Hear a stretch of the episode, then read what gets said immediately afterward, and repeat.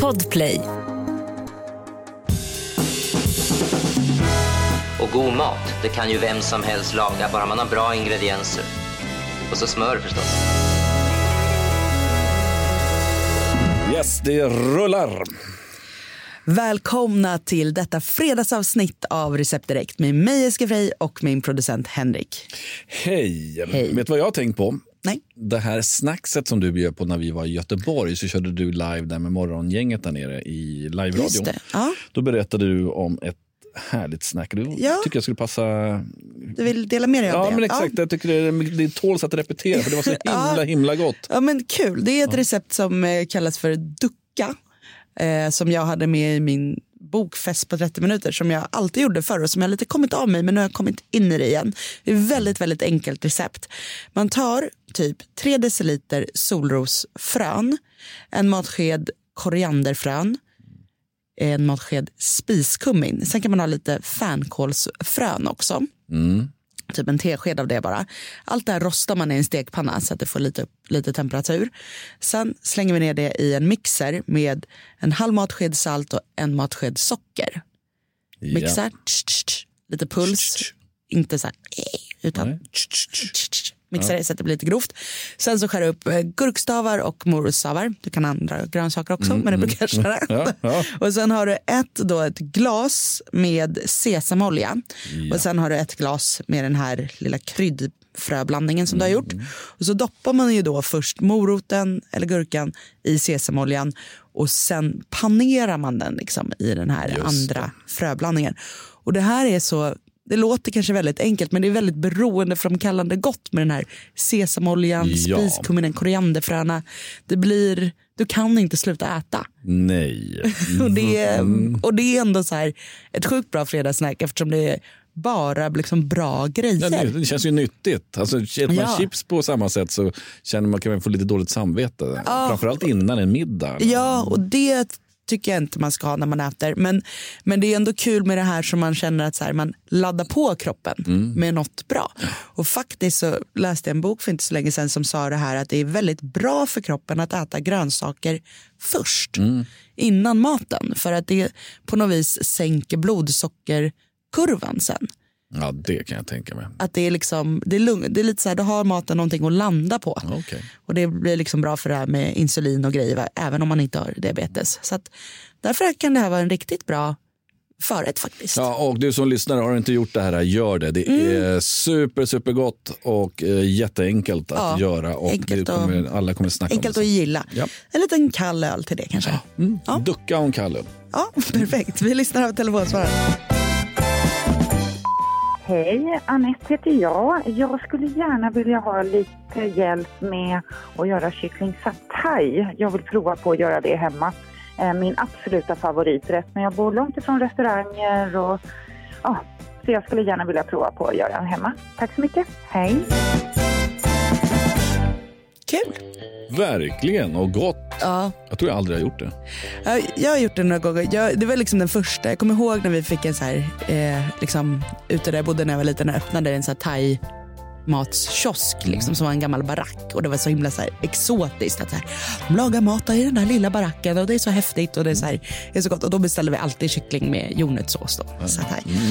Eh, och det har alltid varit en favorit sedan dess och eh, jag har gjort det några gånger det, och jag har tagit fram ett väldigt enkelt recept såklart. Kan tänka mig det. Mm. Så man behöver inga konstiga ingredienser utan det här kan alla laga oavsett var man bor. Och eh, då börjar man med så att man tar kycklingfilé brukar jag köra. Ja. Eh, och den så, jag tycker det är enklast om man har en hel kycklingfilé att man delar den på längden i typ tre delar.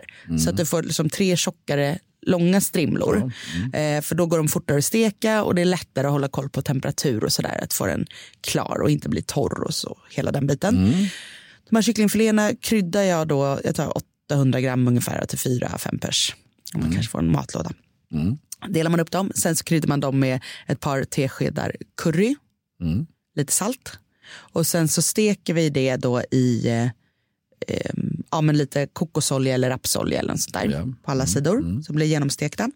Och sen ska vi ha den här goda jordnötssåsen. Och då eh, kör vi lök och vitlök, hackar fint och fräser i lite rapsolja eller kokosolja.